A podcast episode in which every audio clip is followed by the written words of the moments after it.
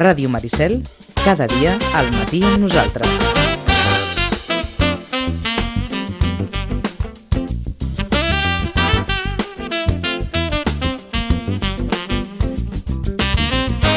Ahir es va presentar la segona edició de la mostra de cinema LGTBIQ+, en Dimar i Sitges, que se celebrarà del 20 al 28 de maig, i es va presentar amb un, un titular, a part de, de la programació de, de cinematogràfica que s'oferirà, amb un titular d'aquells potents. Bob Pop rebrà el Premi Indimari Sitges 2022 com a creador de la sèrie Maricón Perdido. En els primers minuts del programa els apuntàvem per tots aquells i aquelles que diuen, Bob Pop, qui és? Qui és? Doncs bé, darrere de Pop Pop hi ha Roberto Enríquez, que és, que és moltes coses. Eh, diríem que és un, té, té un punt renaixentista, trobar-se amb una persona que té tants coneixements de tantes coses, tan il·lustrada, tan enginyosa, tan creativa i que participa, doncs bé, des de, des de guions fins a aportacions diverses en programes de televisió i de ràdio, òbviament, articulista de diaris o blogger d'aquelles èpoques en què els bloggers encara començaven a entrar dins aquest circuit que ara, que ara evidentment ha portat a altres noms a la primera línia de popularitat. Owen, ben retrobat. Bon dia. Mare de Déu, que sembla que hagi passat aquí un munt de temps i l'Owen deia, oh, content de, de retrobar aquesta presencialitat. Eh? No, sí, sí, molt content d'estar aquí a l'estudi. Eh, eh, escolta'm, deixa'm començar per preguntar com, com heu viscut la pandèmia, com, com s'ha passat tot això des del punt de vista d'organitzar coses, després ja anirem pel cine, però des del punt de vista d'organitzar les activitats, és que ara dona aquella sensació com si mai no hagués passat el que s'ha passat, eh? Doncs sí, a veure, ens hem hagut d'adaptar de moltes maneres amb la reducció d'aforament de, de, dels públics que, segons les, les normes que ens marcaven eh, tots els protocols, eh, mesures d'higiene, eh, bueno, totes aquestes coses que mm, ja tothom en coneix i ens hem adaptat i, i hi ha tingut coses bones, com per exemple que ens ha obligat doncs, a, a, a a utilitzar un sistema online de venda d'entrades i que la gent eh, poc compri poc. les entrades abans, el que passa que mm, aquí la costum és anar a la taquilla a comprar-les i la veritat és que es formen unes cues a vegades doncs, que no pots controlar tampoc. Eh, però bueno, en bona manera l'opció hi és, a dir que mm, i es, i, i es manté, hi ha l'opció també de fer sessions numerades que eh, ara no les fem numerades, durant la pandèmia sí, perquè per marcar els llocs, sí, sí, sí. però és més fàcil per nosaltres gestionar l'entrada del públic si no és numerada. És una d'aquestes coses que... que bueno, és més fàcil. Sí, és més fàcil, és, és més ràpid, és més, més àgil. Més fàcil la manera antiga, perquè eh? com quasi tothom ve a la taquilla a comprar-les, s'estan 10 minuts escollint el seient que volen, eh, que volen seure. Llavors això fa perdre molt de temps i la cua s'acumula. Que hi ha coses que no han canviat. Exacte. Allò d'anar a cercar el seient jo encara em pensava que també, bé, però deu haver el públic fidel de sempre de ja eh, preferència, sí, sí. Eh, cinquena fila o setena fila. Ja, ja, jo crec que aquests també són els que van a, a internet i, i ja les agafen. I ja les agafen des d'allà. Eh? Després en parlarem de tot això, però dèiem, n'ha sortit un, un titular impactant d'aquest Andimaris, que és la presència de Bob Pop, eh, eh, M'he deixat alguna cosa en aquest, en aquest retrat per a aquelles persones que no coneguin Bob Pop. Com se'ls pot presentar, Bob? Doncs eh, jo crec que és un geni, realment, i és una persona que té moltes vivències i que ho explica a través d'aquesta sèrie Maricón Perdido i que a més transmet doncs, uns valors de, de tolerància, d'igualtat i en contra de l'assetjament, que és un tema que és molt important avui en dia, perquè avui en dia l'assetjament ja no és físic només, sinó que a través de les xarxes socials eh, hi ha molt d'assetjament. I això el col·lectiu LGTBIQ Plus està molt present. Llavors, doncs, en aquesta sèrie doncs, queda molt, molt palès no? aquesta situació. A més, és una persona que bueno, a, se li ha detectat doncs, que té esclerosi múltiple i que té problemes de mobilitat. I en, en aquests darrers mesos doncs, ha estat doncs, a, a, denunciant no? aquestes a, situacions que es troben la, la gent doncs, que van cadir de rodes, per exemple, i que d'aquí un parell d'anys, eh, per exemple, al, al nivell cultural, ens haurem d'adaptar i ser totalment accessibles. Eh, per exemple, mm, a l'hora de comprar les entrades, les persones invidents, quan són sessions numerades, ho tenen molt complicat per escollir el seient, perquè els mapes normalment no són accessibles amb els programes que tenen ells eh, per poder doncs, utilitzar l'ordinador a l'internet. Llavors és un dels problemes que s'han de solucionar. I com aquests hi ha moltíssims. O sigui que a través d'aquesta diríem, d'aquesta genialitat i d'aquesta capacitat cultural de Bob Pop, han anat apareixent aquí reivindicacions de col·lectius que van més enllà del col·lectiu LGTBI també. Sí, Perquè, sí, sí. evidentment, una persona que pateix esclerosi múltiple representa no només els col·lectius que pateixen la malaltia, sinó totes aquelles persones que tenen dificultats de mobilitat, dificultats de motricitat, d'accessibilitat a diferents... Jo crec que és una persona que és, és exactament això, no? Representa mm, molts col·lectius Col·lectius. i pot uh, aportar molts valors de, mm, i diferents visions de molts, moltes temàtiques, no? I això és el que potser el fa que sigui una persona molt interessant de conèixer. Aquest Andimaris torna, eh, diríem, a la normalitat. Sí. Eh, I no sé fins a quin punt, dins el que és la producció de cinema LGTBIQ+, ha tornat la normalitat també. Si és que hi ha prou producció, si és que eh, has pogut, heu pogut escollir prou de la producció que hi ha, Eh, hi ha molt de material. Hi ha molt de material. Sí, el que passa que hem seleccionat també mm, coses que, o produccions primer que siguin de, que considerem que són de molt bona qualitat i després doncs, que sigui molt divers, no? que no només parli del home gay cis que, que no, moltes de les pel·lícules i la gran majoria de pel·lícules parla, sinó que també hi ha altre, altres col·lectius com el col·lectiu de lesbianes, el transe, transexual, el queer, que eh, també estiguin, eh, i, bueno, estiguin identificats en, Ah. en, aquesta, en aquesta mostra. És que t'ho preguntava per si a partir del que parlàvem de l'experiència de Bob Pop, és clar, quan, quan s'ha d'escollir una programació, si hom pot comprovar, diu, escolta, és que la majoria de pel·lícules aborden gairebé un tema que és el tema, no sé si dir recurrent, però òbviament la realitat eh, ho argumenta prou, de l'assetjament des de tots els punts de vista possible. I si és difícil trobar un ventall de temes en el cine LGTBIQ+, per poder precisament oferir un ventall de possibilitats a l'espectador. Per exemple, la pel·lícula inaugural, Tume Mank, eh, ens parla la visió d'un pare conservador que després del suïcidi del seu fill descobreix que era homosexual i com ell ha d'afrontar doncs, a, a, aquest fet, no? O també doncs, Quelcom que el tema tindria del suïcidi relació també, amb- exacte, dins del col·lectiu per aquest problema que, que tenen de, de no poder dir-ho o perquè tenen por de ser rebutjats per la societat, no?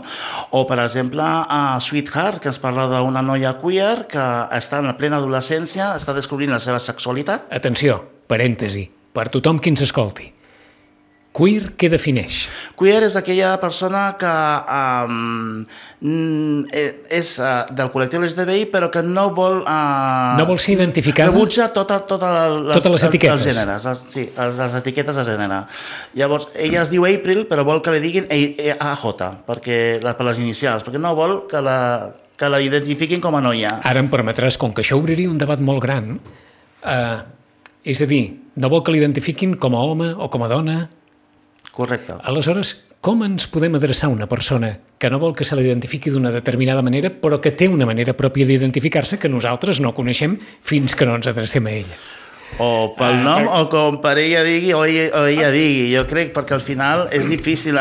Tenim unes etiquetes tan marcades i al final jo crec que ens hem posat masses etiquetes. És que I fins i és tot l'etiqueta de l'educació, és clar, diguem-ne que ens acostem a algú i, i ens acostem amb un registre que és el que hem après com a registre de convivència educada de les coses. I cada cop van apareixent més etiquetes i en lloc de treure etiquetes, jo crec que al final som tots persones i de, jo crec personalment eh, que hauríem de començar a treure etiquetes Etiquetes. i començar a tractar-nos com a persones. Com a persones. És igual al gènere, és igual a l'orientació sexual, és igual el que sigui. Tanquem el parèntesi perquè li demanàvem precisament a, a l'Owen això, què defineix queer, però feia referència ara a una pel·lícula La de Sweetheart, que a més tracta de- d'una noia queer que, bueno, en plena adolescència, que té conflicte amb la mare i la germana, està en aquesta època rebelde i tal, i també doncs, eh, té el seu primer enamorament amb una noia socorrista on està passant les vacances. No? Aquesta situació d'aquestes edats. No?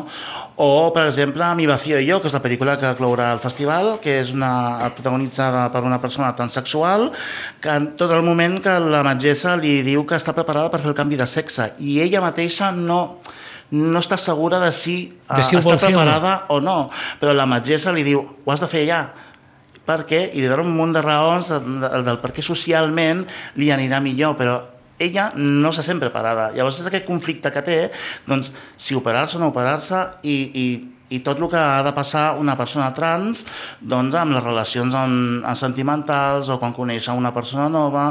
Eh, bueno, hi ha molts temes. Uh, això té més profunditat del que sembla.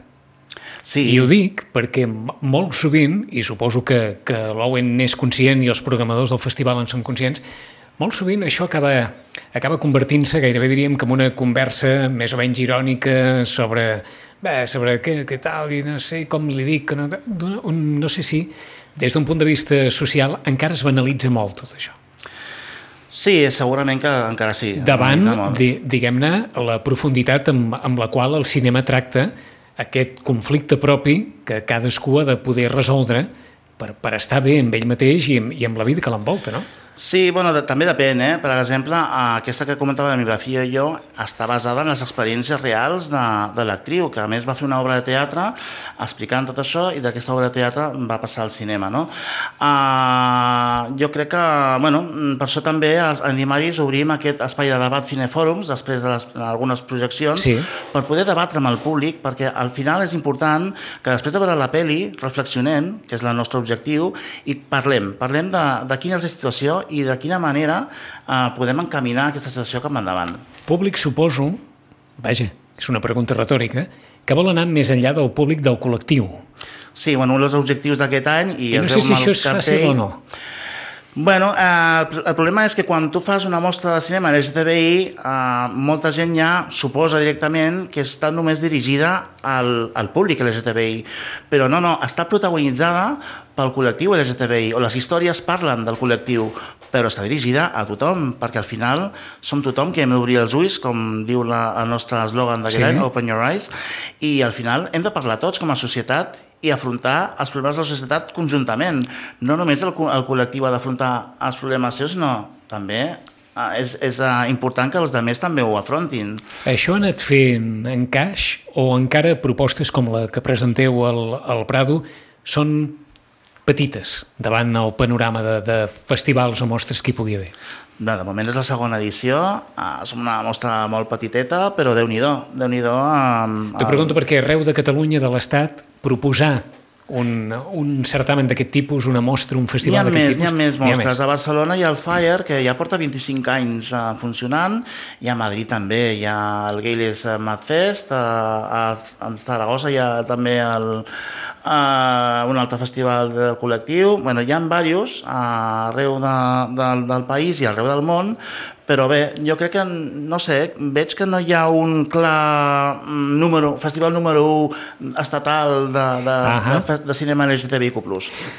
I això no seria possible, vull creure, sense la capacitat que ara tenen molts i moltes de tenir eh, aparells que permetin, des d'un pressupost relativament modest, explicar històries i que aquestes històries acabin sent exhibides al cinema.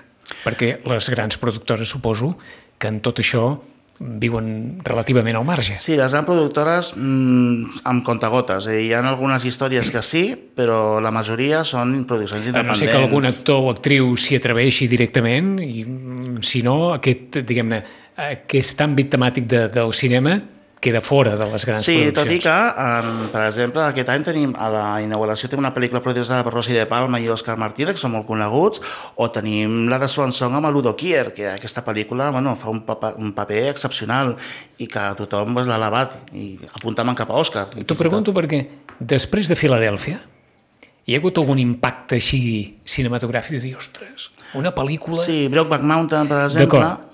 Que, que va guanyar millor pel·lícula als Oscars. Bueno, sí, n'hi ha hagut... N'hi ha hagut algunes, eh? algunes. Algunes. I les Però pel·lícules evident- de Pedro Almodóvar acostuma també a ser a tractar el col·lectiu també i...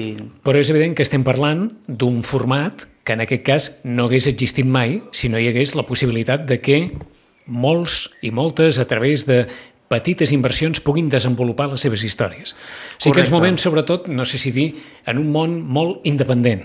Sí, i d'això precisament par- parlarem el dijous del, del festival, perquè mm, del Festival DA tenia una, una projecció d'una pel·lícula que es diu L'amiga de mi amiga i que vindran la directora i dos directors més i el director del festival per parlar justament del de, cinema LGTBI independent i com hi ha ara mateix a, i a Catalunya hi ha uns quants directors que estan, que estan sorgint i que estan parlant eh, i fent pel·lícules del col·lectiu, però són produccions molt independents i, i ja es veu, eh, molt senzilles. Eh, eh, que no tindrien cap mena de sortida si no fos per sales i per programadors que apostessin decididament per ells, no? Correcte, o tenen èxit a festivals així petitons que després el, els distribuïdores es fixen en aquesta pel·lícula, la compren i o la treuen en cine o directament a plataformes. És que és el que anava a dir, el paper de les plataformes ara aquí o de les xarxes en tot aquest tipus de cine, quin és? Doncs uh, molt positiu. La veritat és que ha crescut molt el, el nombre de produccions que es poden veure a les plataformes de, de temàtica LGTBIQ+. Hi ha algunes plataformes que aposten directament per això i que tenen fins i tot una secció dedicada només a, a, a pel·lícules del col·lectiu. És a dir, que cas de Filmin, molt... per exemple? Per exemple, sí, sí, sí. És una de les que més uh, pel·lícules uh, LGTBI es pot, uh, es pot veure actualment aquí al país. I HBO també també està apostant bastant fort per, per aquest, uh, aquest, aquest tema, aquesta temàtica. El balanç de la primera edició, Quin va ser? Que sembla que quedi molt lluny, però és sí, clar. Sí, la veritat és que vam quedar bastant sorpresos amb la rebuda que vam tenir, uh, no només pel públic, sinó també pels professionals i, i gent i convidats que van venir de, de la indústria a visitar-nos i a presentar les seves pel·lícules, que van quedar super encantats i que en, aquest, en aquest, aquesta edició s'està notant que ens estan ajudant a reforçar la comunicació a través de les seves xarxes socials i tal, no? I la veritat és que molt contents amb la primera edició i de moment jo estic molt content amb la programació que tenim preparada per la segona. La veritat és que hem trobat 15 pel·lícules molt potents i, i, i la veritat que val la pena totes i, i, i bueno, jo crec que, que bueno, ja veurem a veure què tal, si, si realment doncs, s'anima la gent doncs, a venir. En quin pressupost compteu? Doncs contem, doncs, a, mira, les pel·lícules només ens costen 5.000 euros. Això suposo que és baratíssim. Per com està el mercat o no? Més o menys, eh, són, depèn de quina pel·li, acostumen a ser uns 300-400 euros per pel·lícula, algunes costa 500 o alguna més perquè bueno, eh, demanen més pel, perquè creuen que, que val més la, la, la pel·lícula. D'acord. Això suposa, vull creure, un esforç gran. Sí, Sí, sí, ens suposa avançar diners abans... Eh, bueno. Dic perquè això és, una, això és una mostra que neix des d'una convicció. Sí, afortunadament també comptem amb, amb el suport de l'Ajuntament de Sitges i, i, bueno, i, i sense aquest suport i sense el suport de totes la, les empreses i, i que, ens, que ens ajuden, doncs potser no, no podríem arribar, no? Però és una criatura que ara té, és la segona edició, sembla ser que s'està fent cada cop una mica més gran i no sé, mm, a veure si d'aquí uns anys ens podem fer una cosa una, encara més gran, ens uh, agradaria bastant. Uh, és a dir, que demostra passi un festival amb una certa entitat? Ojalà. Això no es podria fer, mm, anava a dir, si no, si no es tingués un, un tipus de model de cinema que permeti, suposo, aquesta flexibilitat en dir, doncs bé, les pel·lícules comercials amb, ens aturem i fem això, després tornem a fer un cinema més, més comercial. Sou molt lliures en aquest sentit a l'hora de poder programar. Sí, eh, som bastant lliures, però bueno, com a exhibidors també tenim els nostres problemes. Eh, ja ho deia fa poc, que les plataformes, per exemple, eh, han entrat en un moment eh, i molt ràpid i s'ha notat eh, una mica la davallada del públic i no només per les plataformes, sinó també per la pandèmia. o sigui la pandèmia que ens... Eh, la pandèmia ha estat molt bona per les plataformes. Correcte i després de la pandèmia, diguem-ne que les plataformes han mantingut aquest nivell de, de popularitat o de fidelització i en el cas del el cinema al públic li està costant tornar?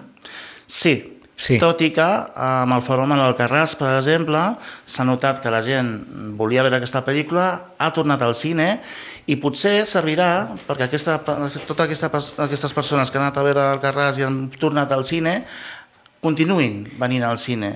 Ja aquesta és l'esperança que tenim, no? Mm. Ara, una qüestió tècnica, vinculada amb el Carràs, encara que es projectava el retiro, però ja ho saben vostès que el cinema, com, com a cinema, ja no existeix. El que, el que es projecta és una, una imatge a, eh, a través d'un projector, però d'un projector, diguem-ne, a la manera televisiva. Uh, tota aquesta qüestió de la subtitulació. Quan vosaltres contracteu l'exhibició d'una pel·lícula, això es pot canviar fàcilment, com, com ho canviem com, a, com amb el comandament a distància de casa de, o, o no? Sí, depèn de, de si la pel·lícula ve encriptada o no ve encriptada. eh, la pel·lícula avui en dia te serveixen en un disc dur, tu Sí. ingestes dins del teu servidor del cinema, És a dir, vosaltres us poseu d'acord amb la productora, amb la distribuïdora i dieu, voldríem aquesta pel·lícula. Sí. I aleshores suposo que es contracta per tants passis durant tants dies. correcte, Llavors, i les versions, has d'especificar quines versions vols projectar. D'acord. És a dir, que has d'especificar si la vols en, en versió espanyola, si la vols en versió original subtitulada o en Correcte. altres versions que hi pugui haver. Correcte.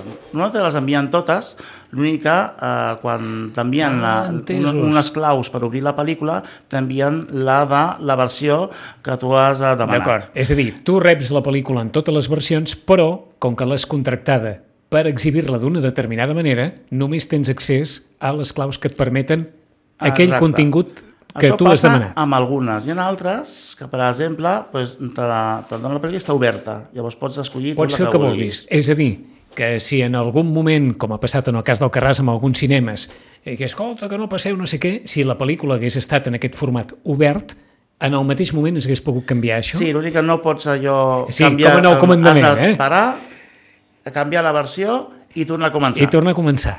D'acord. Pots avanç- avançar-ho una, una, un cop començada Sí, una sí, mica, sí. Però normalment... li demanem a l'Owen una explicació tècnica, eh? perquè és que el cinema ha canviat, i en això Sí. també. Això no és allò de que t'atures a la pel·lícula, la muntes, si es cremava el fotograma i continues projectant. Ara això no va així. No, i sí que és veritat que la distribuïdora del Carràs va recomanar, després d'unes sessions que van fer a Barcelona, amb, amb públic i amb premsa i tal, doncs de que eh, en algunes sessions es fos subtitulada en castellà, perquè no tenien amb subtítols en català, Ahà. Eh, aquesta versió no existeix, però en castellà sí, perquè hi ha moments de la pel·lícula que costa d'entendre. En canvi, veus, partint d'aquesta evidència que més d'una persona ens ha comentat, clar, seria fàcil de dir, home, allò que fan els anglesos, que fan subtítols per persones amb dificultats auditives, doncs home, no hagués costat res fer una subtitulació en català d'una pel·lícula en català per a aquelles persones que els costi entendre el so directe d'un seguit d'intèrprets que no són actors professionals, que parlen amb, amb una versió de l'idioma que per a algunes persones no és tan fàcil d'entendre i d'una manera col·loquial eh, en grup. Sí, el que passa que molta gent potser no pensa en les persones amb discapacitat Vaja. auditiva. I però nosaltres Ribes, per exemple, l'hem fet en, en, en català, en versió original amb subtítols en anglès, per a la gent anglesa que... Sí. I en versió original amb subtítols en castellà també he fet alguna sessió, bàsicament per, per això, perquè hi ha gent que potser té discapacitat auditiva i només pot seguir la pel·lícula si té subtítols. Llavors, bueno, donem totes les, les, les opcions. Però això s'ha de demanar abans. Sí, És ho has dir, de- a la ho has de distribuïdora ho has de demanar abans. Al mateix dia te'n Perquè tothom ens tampoc- entengui, també eh? pots dir, canvio la versió Sí, sí. i ho pots, ho pots fer, Sí, sí. però clar, ho has d'anunciar abans Mhm. i quan fas la cartellera ja anuncies la versió que projectaràs. D'acord. Aleshores, tot això era, diguem-ne, com una excusa per parlar de la, de la situació actual de l'exhibició cinematogràfica. L'Owen, en aquest article a l'Eco d'aquesta setmana, eh, eh, més enllà eh, del Festival Antimaris, un article titulat La indústria del cinema ja no és el que era, diu, entre altres coses, però les sales de cinema no tenen només un problema de disminució de públic, també els canvis en la forma de consumir cinema fan necessaris establir unes noves normes de convivència entre les plataformes, les distribuïdores i les sales d'exhibició. Encara hi ha grans distribuïdores que continuen aplicant una manera de fer de fa 20 anys en què només un nombre determinat de sales estrenen un títol el primer cap de setmana i sobre camí durant les setmanes següents a la resta de sales del país. Com funciona això? Depèn de la distribuïdora. Hi ha, per exemple, ens ha passat en Downton Abbey. Nosaltres la volíem fer d'estrena el 29 d'abril, Ah, és a dir, aquesta segona part de Downton Abbey que, que tots Correcte. coneixen la sèrie i la primera part, la pel·lícula, la primera edició. però eh, la distribuïdora va decidir, bueno, ens va dir que no, podia ser, no la podíem fer d'estrena, sinó que més endavant. Uh, la És a dir, que l'estrena quedava reservada, diguem-ne, a a les capitals, vull creure, Barcelona, Girona, sí, suposo. no sé, és allò que te- et surten amb un nombre de- determinat de, còpies, que encara li, li diuen Encara li còpies. diuen còpies, eh? Quan en quin pots fer milions de Sí, còpies. quan ara van un disc dur, i després doncs, va estrenar un determinat nombre de cinemes i després això, el que dic, va obrint camí a altres sales al llarg de les setmanes. Són estratègies que s'utilitzen fa molts anys perquè, bueno, quan hi havia 35 mil·límetres, doncs bé, i Eh, no hi, havia, sí hi havia no hi havia les plataformes la facilitat de ve veure aquesta pel·lícula i la gent s'esperava. Però avui en dia, eh, la gent que té pressa per veure-la, pues, si no la pot veure a Sitges el primer cap de setmana, marxa fora i se'n va a veure a un altre cinema. Llavors, per això ens agrada també doncs, a fer les pel·lícules d'estrena. D'acord. De la mateixa manera que dius que les pel·lícules ja no duren. tant de temps a la cartellera? La cartellera, l'èxit, diguem, d'una pel·lícula és un, dos caps de setmana, ho veus als rànquings, quan t'envien cada setmana els rànquings de, de qui està a dalt i qui està a baix, el primer cap de setmana d'entrada d'una pel·li està a dalt, després ja ves la segona setmana que ha baixat un 50% de públic, El ritme de les plataformes és diferent des del punt de vista de manteniment en l'interès que el ritme dels cines? Jo crec que més o menys, eh? Duren una miqueta més, O potser... És que tinc la sensació que també tot Sí. es crema molt, eh? Però és, eh, varia molt, perquè clar, cada setmana van incorporant novetats i aquestes novetats volen que siguin aquella cap de setmana sigui, sigui la que estigui la més consumida, no? I, i al final és una, un, un, una, una qüestió de, de, de voler doncs, eh, que ser número 1, no? de, que aquell producte en concret Ja. sigui número 1 aquella setmana. I la setmana següent, la que estreni jo aquesta setmana, la setmana següent, sigui aquella la número 1. I per tant l'estratègia passa, diguem-ne, que per afavorir a determinades sales Sí, sí, sí, sí. Jo crec que sí, però les plataformes van funcionar d'aquesta manera. Volen que aquella, aquell producte en aquell moment doncs, sigui en qüestió i ja t'ho venen d'aquesta manera perquè aquella, aquella setmana eh, aquell producte sigui la més consumida. Clar, vista la reflexió del teu article, eh, això té un camí molt curt, el, el propiciar que només determinats cinemes puguin estrenar i els altres que s'esperin. Perquè hem de suposar que, que al distribuïdor també li interessa que la pel·lícula sigui vista com per més persones. És per això que ens estranya molt que encara continuï passant aquest, eh, aquest fet, no? de que eh, estreni una, una còpia en determinades sales i vagi obrint camí. Eh, mm, crec que avui en dia li, interessa, li interessaria en que totes les sales, abarcar el màxim de sales possibles el primer cap de setmana i, i si funciona molt bé, normalment els cinemes aguanten una segona setmana o fins i tot una De- de tercera. si l'inèrcia de la primera, Clar, no? clar, clar. Però, i si no, i si va normal, i doncs, bueno, la setmana següent pots canviar la pel·lícula i pots fer una altra estrena. I és una cosa que beneficia a les sales de cinema, i sobretot les sales petites, i, i també doncs, a la distribuïdora, crec jo. I, I fins on sabeu, aquest és un problema, diguem-ne, comú a les sales petites? Jo crec que sí. Quan, quan us trobeu o quan, o quan en parleu amb, amb, amb diferents sí, passa aquest és un igual, problema, eh? ens passa igual. Sí, ens passa a totes igual. Tenim les mateixes normes, és a dir, vivim... I Sitges, l'únic que tenim una petita diferència, que aquí hi ha dues sales, i a poblacions com Sitges normalment o tenen una sala o no tenen cap sala. És que estàvem amb allò de sempre. És clar, el que passa aquí no, no passa enlloc. No, és estrany. A més, tenim molta sort. Tenim dues sales de cinema més històriques, centenàries... Però això quin, quin, esclar, quin recorregut té això? Davant d'aquesta pressió de les plataformes, sabent, com tothom sap, que, que el preu permès d'una plataforma o el preu anual per una plataforma és el de, o de cinc pel·lícules al cinema, per, per dir-ho d'alguna manera, que per tant les sales han de, han de competir que ens sembla que ja està superat aquell debat, clar que el cinema és el cinema i ho veus en una pantalla, eh, crec que moltes persones hi han, hi han alguns encara contemplen aquesta possibilitat, però per molts, evidentment, la, la plataforma i la flexibilitat de la plataforma Afortunadament encara queda molta gent... Encara queda molta gent fidel al cinema. Fidel al cinema, que li agrada um, viure una experiència col·lectiva, perquè és una cosa que no es viu a casa, una experiència col·lectiva veient um, una pel·lícula al cinema en una pantalla gran. Ho dic perquè què més hauria de canviar perquè el cinema tingués o, o tingués més possibilitats que les que té ara davant de les plataformes? Pues jo crec que les, um, és que les plataformes han entrat d'una manera tan ràpida a, al món Fulminant. que no, han tingut temps d'establir unes, un, Una unes normes ja, de ja. convivència i que, i que sortim tots beneficiats. Llavors, eh, crec que primer eh, hi ha alguns productes que sí que clarament s'han d'estrenar directament a plataformes perquè potser a cinema no funcionarien, per plataformes sí que es consumeix, però aquelles que saben perfectament que funcionaran a les sales de cinema, doncs estrenar-les en sales de cinema amb, amb una campanya de màrqueting potent, donar un marge d'uns dies a una finestra, diguem, d'exhibició cinematogràfica abans de passar-les a les plataformes. Però tu creus que es va per aquí o no? Home, Disney, per exemple, ara ho està gairebé respectant. Eh, ja ha començat a donar-se compte, de, per exemple, en aquesta última, de Do- Doctor Extraño. Sí. Normalment em sembla que la, la finestra em sembla que era de 40 dies, una cosa així, l'allargarà a 60, perquè a cinemes aquesta ha funcionat molt bé i, i amplia doncs, la, la finestra, no? O sigui que la plataforma esperarà dos mesos per poder, per veure- poder de, donar estrenar. temps a les sales de, de cinema. Correcte. I jo crec que aquest és el, realment el camí, que al final també és una manera de que aquesta pel·lícula tingui una promoció prèvia a passar-se a, la, a, la, a la plataforma. Eh, eh, I un cinema de poble com pot aguantar?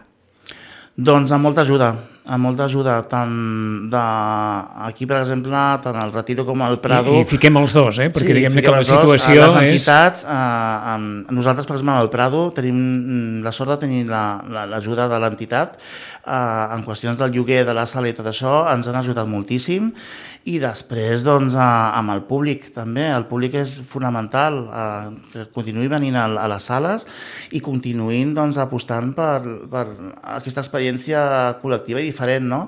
I també el que ens ha ajudat molt també són les transmissions d'òperes i ballets en directe i aquests esdeveniments especials que, que podem fer, no? Uh, I nosaltres inclús intentem sempre buscar aquelles coses que, diferents que puguin atreure doncs, a, a que la gent doncs, vingui a la sala. Ho dic perquè d'alguna manera tornem al punt de partida. Sí. En Dimaris és una proposta diferent que no estaria en una sala comercial Correcte. i que en canvi es pot encaixar en aquest, no sé si dir, és que gairebé diríem no model de cinema, sinó model de sala d'exhibició, de, de, de, Sí, de o- productes... És un esdeveniment i a, a Sitges jo crec que agraden molt els, els esdeveniments i jo crec que es nota que cada cap de setmana està pleníssim d'activitats i esdeveniments i que no parem.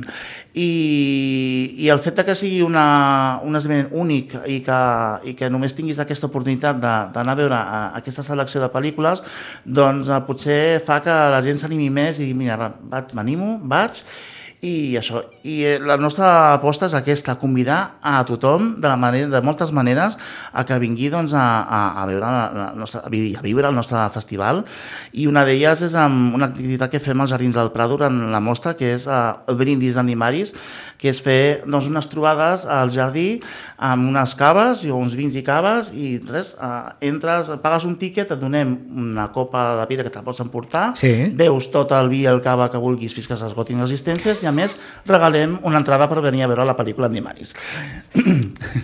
Això de veure tot el i el cava fins a esgotar les existències. Bueno. No, no, és a dir, és una versió del cineclub gairebé a l'aire lliure, això. Sí, sí, sí. sí. Allò, xerrar de- xerrar de coses i de- de- D'animar doncs, a, a, i fusionar doncs, diferents uh, cultures, diferents coses, com per exemple el cinema o la degustació de vins i caves, que hi ha molt, jo crec que hi ha molta afició també. O sigui que el futur de les sales de cinema petites ha d'anar més o menys per aquí. Jo crec que els esdeveniments són molt importants i, i no sé, per exemple, el, el Festival d'EA de Barcelona, Sí. sí. vaig anar a la inauguració i ja estava... Fem parèntesi aquí, el Festival d'EA, perquè tots ens entenguin, és el festival que ha impulsat el Carràs, d'alguna manera. Sí, eh? és el Festival d'autor, Exacte. de, de cinema d'autor de Barcelona, que I on el Carràs ha estat, diguem-ne que, que la punta de llança. on no hem d'anar gaire lluny, el Festival de Sitges, per exemple, a l'octubre. És a dir, porta moltíssima gent. És un esdeveniment i és una oportunitat única i que sigui una oportunitat única jo crec que fa que la gent s'animi més i vulgui venir, no? I crec que per aquí tenir oportunitats úniques al cine és el que potser doncs, hem, de, hem de buscar. No? Mm -hmm. Aquestes petites joies, oportunitats que, que, bueno, que animin o que, que convidin a que la gent vingui.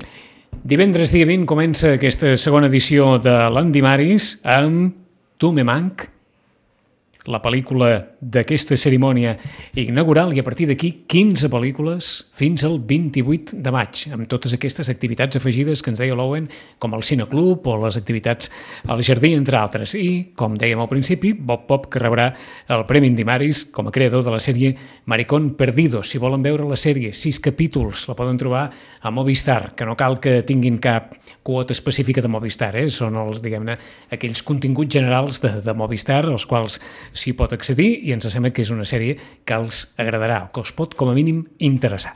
Owen, gràcies, sort com Moltíssimes no. gràcies a vosaltres.